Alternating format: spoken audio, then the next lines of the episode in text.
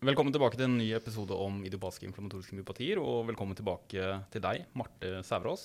Takk. Du er fortsatt uh, spesialist i lungesykdommer, og du er fortsatt uh, seksjonsoverlege ved Diagnostisk senter ved Stavanger universitetssykehus.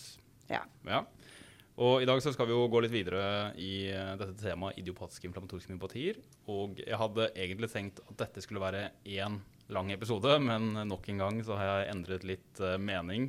Og uh, tenker at vi deler opp dette her i tre litt kortere episoder. Litt for å se om lytterne foretrekker kortere episoder fremfor mm. lange.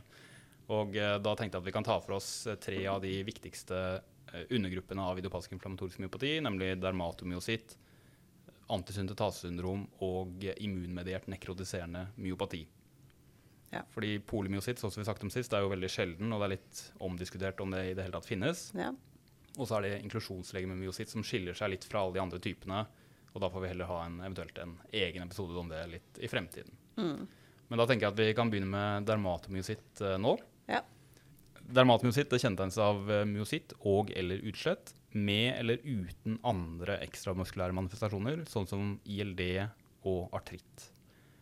Dermatmyositt er i tillegg den typen av idiopatisk inflammatorisk myopati som er oftest assosiert med underliggende kreftsykdom. Mm. Og de fleste pasienter med dermatmyositt har et påvisbart myosittspesifikt autoantistoff i blodet. Ja. Og sånn som vi sa i forrige episode, så finnes det fem myosittspesifikke autoantistoffer som er forbundet med dermatomyositt.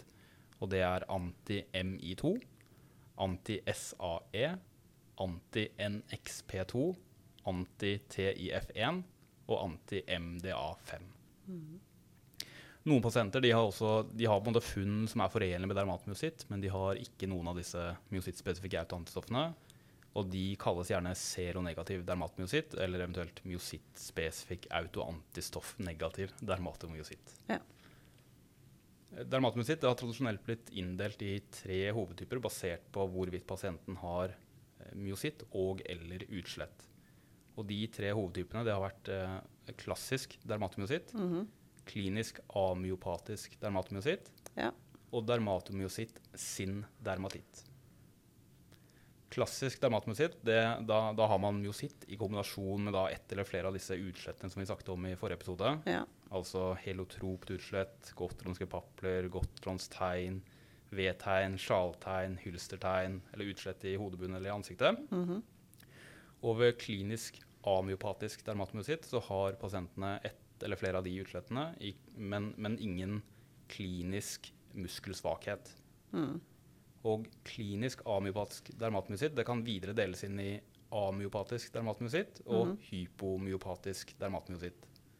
Så ved amyopatisk dermatomyositt så er det absolutt ingen muskelaffeksjon. Mens ved hypomyopatisk dermatomyositt, så, så, har pasienten en normal muskelkraft, men det, man kan se at det er tegn til myositt, enten mm. ved at CK er forhøyet, eller at det er muskelødem ved MR av lår. Ja.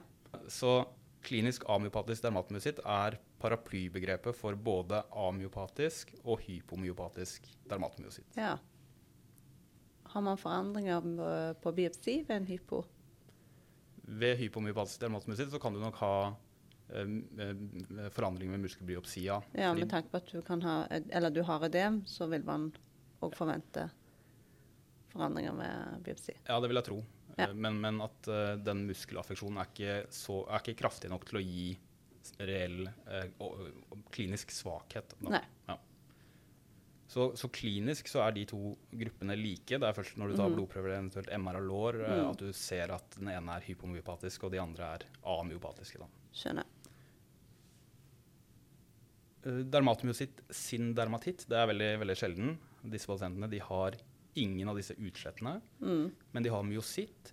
De har muskelbiopsiforandringer som er forenlige med dermatomyositt. Ja. Og de har et av disse myosittspesifikke autoantistoffene som er forbundet med dermatomyositt. Ja. Utvikler de utslettet senere eventuelt?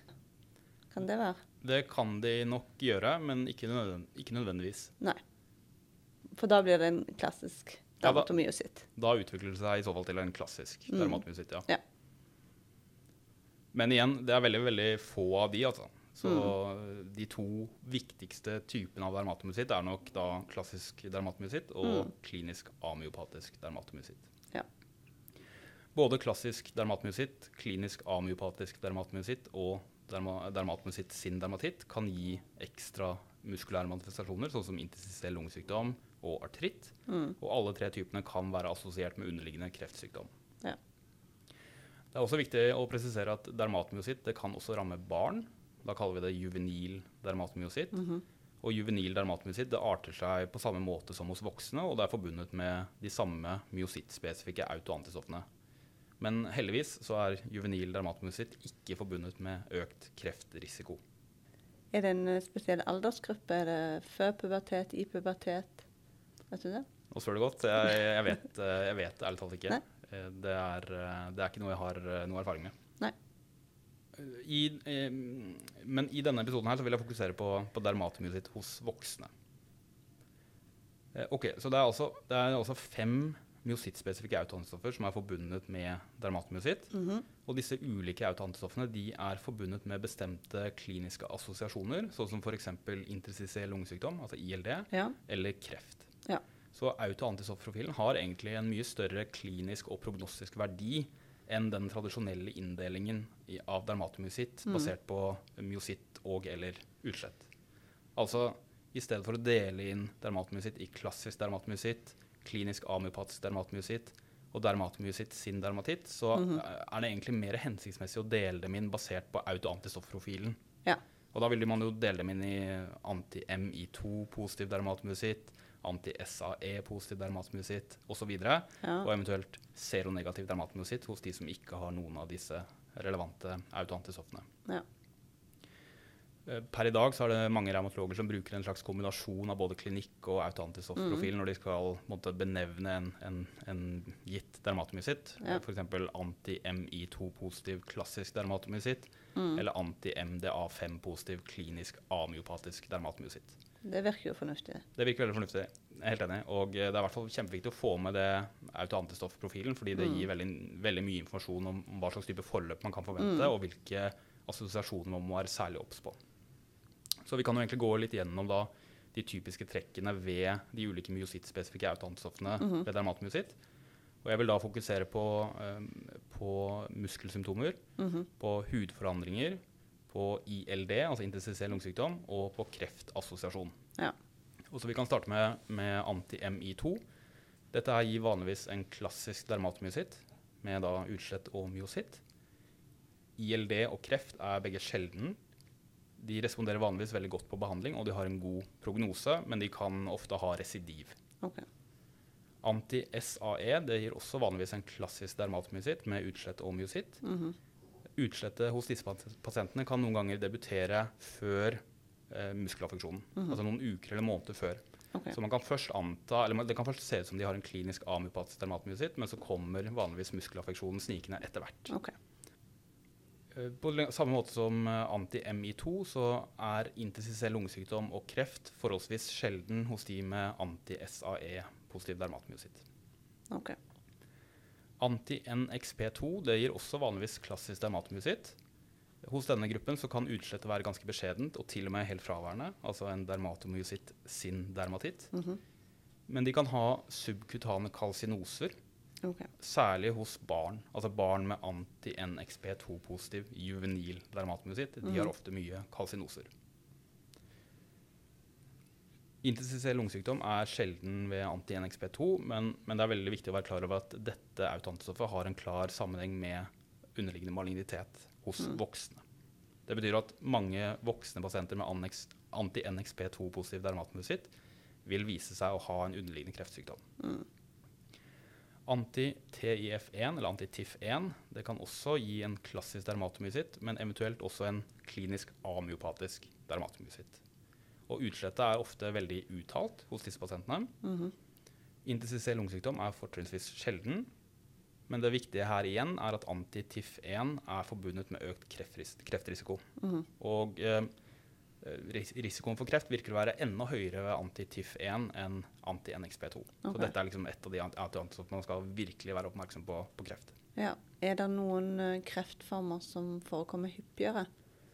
Cancer ovari mm -hmm. forekommer med, med overhyppighet hos ja. personer med dermatmyositt. Bortsett fra det så er det de vanlige kreftformene ja. som er på en måte vanlige i den generelle befolkningen.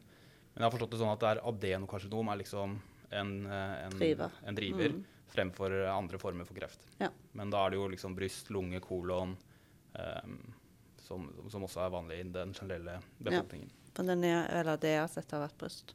Ja. Og um, som sagt, risikoen er, er høy da, ved an, eller risikoen er særlig høy ved anti-NXP2 og, og TIF1. Og i noen studier så er det sett at uh, opp mot tre fjerdedeler av pasienter over 40 år med anti-TIF1-positiv dermatmyositt mm. har en underliggende kreftsykdom. Så en betydelig andel. Anti-MDA5 gir vanligvis en klinisk amyopatisk dermatmyositt. De kan ha de samme type utslettene som ses ved andre former for dermatmyositt, men de kan også ha andre typer hudforandringer som virker å være forårsaket av en eller annen underliggende vaskulopati. Og eh, det inkluderer smertefulle papler i håndflatene, ulstrasjoner i munnslimhinnen, ulstrasjoner over ledd og eh, på fingertuppene. Mm. De kan i tillegg ha alopeci og perifer polyartritt, noe som er ganske uvanlig ved andre former for dermatmyositt. Det er ingen sikker økt kreftrisiko ved anti-MDA5-positiv dermatmyositt, men det som er veldig viktig å være klar over, er at disse pasientene kan utvikle en veldig alvorlig form for interstisiell lungesykdom. Ja. Og den manifestasjonen den kaller vi raskt progredierende interstisiell lungesykdom. Mm. Og så tror jeg ikke det finnes noe helt sånn enighet om hvordan vi definerer raskt progredierende. Mm. Jeg tror det gjøres litt skjønnsmessig, at det liksom mm. er noe som utvikler seg raskt, rett og slett. Men jeg ser at noen steder så definerer de raskt progredierende interstisiell lungesykdom som at det er måtte, rask eh, forverring av luftveissymptomer og CT-funn, og at det er utvikling av hypoksemi innen tre måneder fra luftveissymptomene debuterte. Mm. Og pasienter med anti-MDA5-positiv raskt progrederende intensivell lungesykdom de kan utvikle et sånn ARDS-lignende bilde med, med, alvorlig respirasjonssvikt og høy mortalitet. Mm. Et spørsmål til med tanke på dette med kreft. Er det sånn at disse har en høyere kreftrisiko gjennom livet? Eller tenker man at han dukker opp, sier man liksom OK, har det ikke dukket opp en eh, kreftsykdom innen et år, så er man Slutter man å lete, eller det, har de en forhøyet kreftrisiko? Eh, det er eh, sagt at risikoen er høyest året etter diagnosen stilles. Ja. Det kan jo noen ganger være at kreften også oppstår før eh, dramatmyositt mm. tilkommer. Da. Og eh, eh, risikoen virker å falle jo lengre tid, tar, jo lengre tid fra diagnosetidspunktet. Ja. Så det, det, er noen som opererer med at eh, det er særlig risiko de første tre årene. Ja. Men det er også noen som sier at det er en viss økning i risiko selv ti år etter mm. diagnosetidspunktet. Og så kan man jo spørre seg hvordan er det egentlig dette her Hvordan kan det være så langt intervall mm. mellom de to tingene? Og uh, jeg, Det er ikke det at jeg nødvendigvis har forstått det, men det var en uh, nå ved en uh, revmatologikonferanse som, som, presenterte denne ideen om, om, um, om likevekt, altså equilibrium og, og escape mellom mm. immunsystemet og kreft. -hmm. Altså mhm. at Eh, det kan oppstå en kreftsykdom som immunsystemet holder i sjakk, ja. altså som et e- ekvilibrium. At ja. kreftcellene får ikke proliferere seg til et nivå hvor det gir symptomer, men det er kreftceller i kroppen. Mm. Og, eh, og, eh, der kan det oppstå en immunologisk reaksjon mot kreftsvulsten mm. som gir kryssreaksjoner som gir seg til uttrykk som dermatmyositt. Ja. Men, men det er ingen påvisbar kreftsykdom i kroppen fordi det er så få kreftceller. Mm. Og så at det ekvilibriumet kan holde seg i likevekt ganske mm. lenge før eventuelt det oppstår en escape, altså at kreftcellen vinner den kampen, mm. kampen og så kommer kreften til syne. Ja. Så det kan på en måte forklare det som jeg har slitt med å forstå. Mm. Hvordan det kan være en, en, sammenheng mellom disse tingene, men være så langt fra hverandre i tid. Mm. Og det kan kanskje da forklares av det. At det ja. ligger et ekvilibrium som vi ikke klarer å, å identifisere før, før kreftsvulsten blir større. da. Mm. For jeg har tenkt på det som et sånt, mer et paraneoplastisk fenomen. Og at da når du får dermatomyositten, selv om kreften dukker opp et år eh, seinere, så har det bare vært sånn som du sier, for lite til at vi har sett det ja. i første runde. Ja. Det tror jeg, men det tror jeg da Sånn jeg forstår det, så er det det, det som er tilfellet. Mm. Eh, men, men det at, eh, at det ikke nødvendigvis er en veldig lang Altså Ikke nødvendigvis en veldig tregt voksende krefttype. Det er bare Nei. at det holdes i, i, sjakk av immunsystemet frem ja. til et visst punkt, og så blomstrer det opp. Ja, så kan ja. du si sant, Hvis du ser på ulcerøs kolitt og deres eh, økte risiko for å få cancer coli, så er jo det òg autoimmunsykdom og cancer, uten at det nødvendigvis er en kausal sammenheng, men det er jo noen mekanismer der som Ja.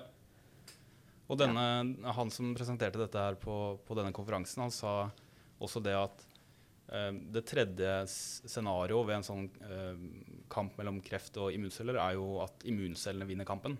Mm. At, det blir, uh, at det blir en eliminasjon av kreftceller. Og at det kanskje hos noen at det er det, er det som oppsto altså at, at det oppsto en kreftsykdom. Det oppsto en immunologisk reaksjon mot kreftsvulsten. Som konsekvens av det så ble det en kryssreaksjon som førte til dermatomyositt. Mm. Og så vant eh, immuncellene kampen. Mhm. Kreften ble, eh, ble fjernet. Ja. Men de, har, de, står igjen med denne autoimmune sykdommen mm. som oppsto som en konsekvens av kreftsykdommen. Men ja. man påviste aldri kreftsykdommen. Som ja. jeg også syns var en litt interessant tanke. At uh, det kanskje er de La oss si at de som har disse veldig kreftassosierte myosittspesifikke autoantistoffer, mm. sånn som TIF1 f.eks., ja. Da, så er det en andel av de som ikke noen gang får kreft. Mm. Men det kan jo tenkes at de hadde en kreft mm. på et eller annet tidspunkt som immunsystemet håndterte, ja. men at de fikk denne autoimmune uh, sykdommen på kjøpet. Mm. OK, men da går vi litt tilbake til uh, anti-MDA5 positiv dermatomyositt. Fordi da sa vi det at noen av disse pasientene får denne veldig alvorlige, raskt progrederende interstisielle lungesykdommen. Mm -hmm. Men det er viktig å, å, understreke at det er ikke alle med anti-MDA5-positiv dermatomyositt som får det. Nei. Nei. Så i en artikkel så sa de at eh, mellom 60-100% av pasienter med anti-MDA5-positiv dermatomyositt får interstisiell lungesykdom. Og rundt 40% får raskt progrederende interstisiell lungesykdom. Mm. Og eh, det virker å være sånn at risikoen for raskt progrederende intensivell lungesykdom hos de pasientene der er høyere hos asiatere enn hos europeere. Okay. Så um, man må være klar over at det er et spektrum der, og ikke alle uh, får uh, livstruende lungeaffeksjon. Pasienter med, med anti-MDA5-positiv dermatomyositt kan også utvikle pneumomediastinum. Det har jeg aldri sett selv, men, men, det er jo da luft i mediastinum. Da. Og det, I en artikkel sto det at opp mot 15% av pasientene får det, og at det kan være livstruende, særlig hos de som har samtidig GLD ILD med behov for overtrykksventilering. Mm. Og jeg antar at du da på en måte pusher luft inn i mediastinum, og at det er lite heldig. Ja, den har jo lekt fra en plass. Den har jo kommet ja. fra en plass. Ja. Mm. Så skade i lungene fører til uh, lekkasje av luft inn i mediastinum, og da at det kan forverres ved overtrykksventilering, var sånn jeg mm. oppfattet det. Mm. Men uh, nå har vi gått gjennom disse fem autoantistoffene, og jeg tror jo at hvis man ikke har hørt om dem før, så, så virker det litt sånn overveldende. Men, men, det er jo faktisk bare fem stykker, så jeg tror jo og håper at det skal være mulig å huske det. Mm. Og hvis jeg skal gi en slags oppsummering, så kan man jo si at anti-MI2, anti-SAE, det er klassisk dermatomyositt. ILD og kreft er sjelden. Prognosen er forholdsvis god. Anti-NXP2, anti-TIF1, der er det risiko for kreft, eller mm. særlig høy risiko for kreft. Og TIF1 gir ofte et uttalt utslett, mens NXP2 ofte har et lite, eller begrenset utslett. Til og med kan ha fravær av utslett, men til gjengjeld gjerne kalsinoser. Og så til slutt anti-MDA5 det gir vanligvis en klinisk amyopatisk dermatomyositt. De har papler og ulcerasjoner og risiko for veldig alvorlig, raskt progrederende intestinell lungesykdom. Mm. Så kan du også tenke at uh, de dermatomyositt-relaterte uh, myosittspesifikke autoantistoffene som består av tre bokstaver og ett tall, er mm. forbundet med et eller annet skummelt. Altså NXP2, TIF1, MDA5. Mm. NXP2, TIF1, der er det høy, uh, høy risiko for kreft. Mens MDA5 da er denne assosiasjonen med alvorlig intensivell lungesykdom. Og så kan du tenke at uh, anti-MI2 det er på en måte det snilleste i gåseøynene mm. uh, autoantistoffet ved, ved dermatomusitt. Så hvis noen sier at uh, ok, hvis jeg blir tvunget til å ha Eller hvis jeg må ha dermatomusitt, så vil jeg helst ha anti-MI2. Mm. Da kan man svare metoo. Diagnosen dermatmyositt stilles på bakgrunn av muskulære og- eller ekstramuskulære manifestasjoner. Eh, vanligvis i kombinasjon med et av disse nevnte myosittspesifikke autoantistoffene. Og ved muskelaffeksjon så gjøres jo vanligvis muskelbiopsi. Ved klinisk amyopatisk dermatmyositt så tar man ofte biopsi av utslett. Mm. Og hos pasienter med muskelaffeksjon så vil muskelbiopsi ofte, eller vil, vil det forvente å avdekke eh, skadede muskelceller og lymfocytter rundt blodårer i muskelvevet. altså sånne perivaskulære lymfocyttinfiltrater. Ja. Og dette perivaskulære infiltratet det, det, kan på en måte indikere at dermatomyositt også har en slags vaskulopatisk komponent. Og denne vaskulopatiske komponenten den gir seg til uttrykk klinisk ved at disse pasientene ofte har Reynolds fenomen. Ja. Og hvis man gjør kapillarskopi, altså mikroskopi av kapillærer i neglesengen, så ser man ofte forandringer i kapillærene, at de er dilaterte. Ja. Når diagnosen dermatomyositt er stilt, så må man kartlegge sykdomsutbredelsen hvis det ikke allerede er gjort. Og da er det jo gjerne MR-lår, røntgenosofagus, lungefunksjonsundersøkelser og HRCT-torax. Og pasienter med anti-MDA5-positiv dermatomyositt de må følges veldig nøye for utvikling av eller forverring av eh, lungesymptomer.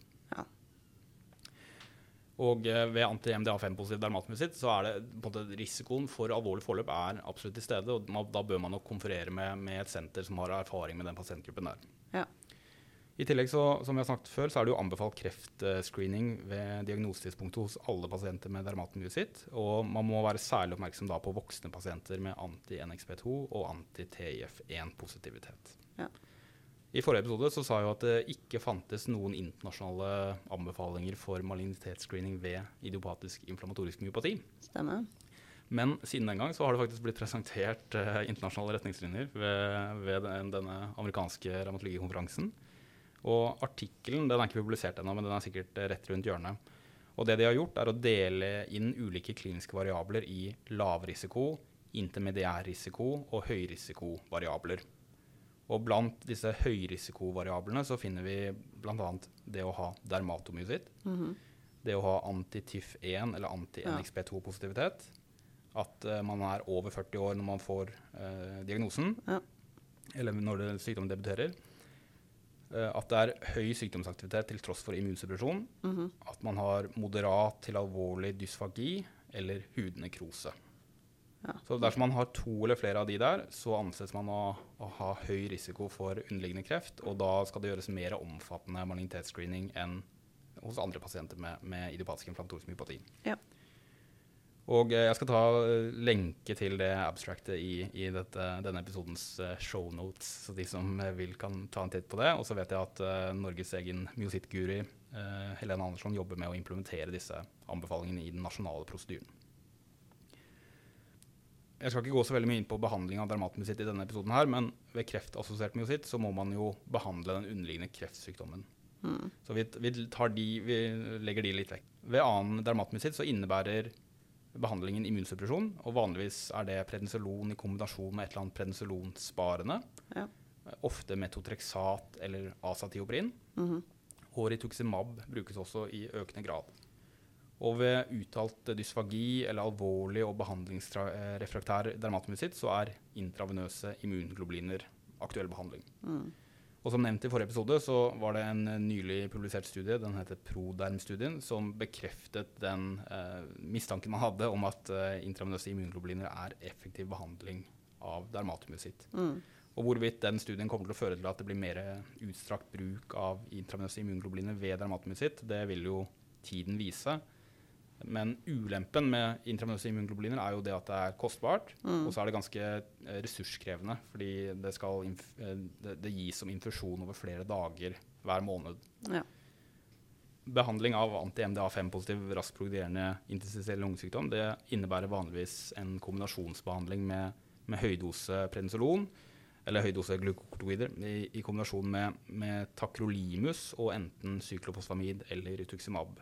Men den behandlingen der den skal fortrinnsvis foregå ved et uh, senter som har erfaring med, med, den behandlingen der. Prognosen ved dermatomysitt den avhenger jo av autoantistoffprofilen, mm. uh, organaffeksjonen og, og, hvorvidt det foreligger malignitet. Og ja. Av den grunn så er jo hos voksne anti-TIF1, anti-NXP2 og anti-MDA5 eh, positivitet forbundet mm. med, med, dårligere prognose pga. at de er forbundet med henholdsvis malignitet og raskt progrederende intensivell mm. lungesykdom. Ja. Det var det jeg hadde tenkt å si om dermatomyositt i denne episoden. Kan jeg spørre et spørsmål med tanke på uh, ilden, da? Ja. Hvis du transplanterer disse, mm. lungetransplanterer de, mm. får du fort residiv? Er det mye data på det? Får du residiv i um, transplantatet, da? Eh, pass. Ja. Nei. OK.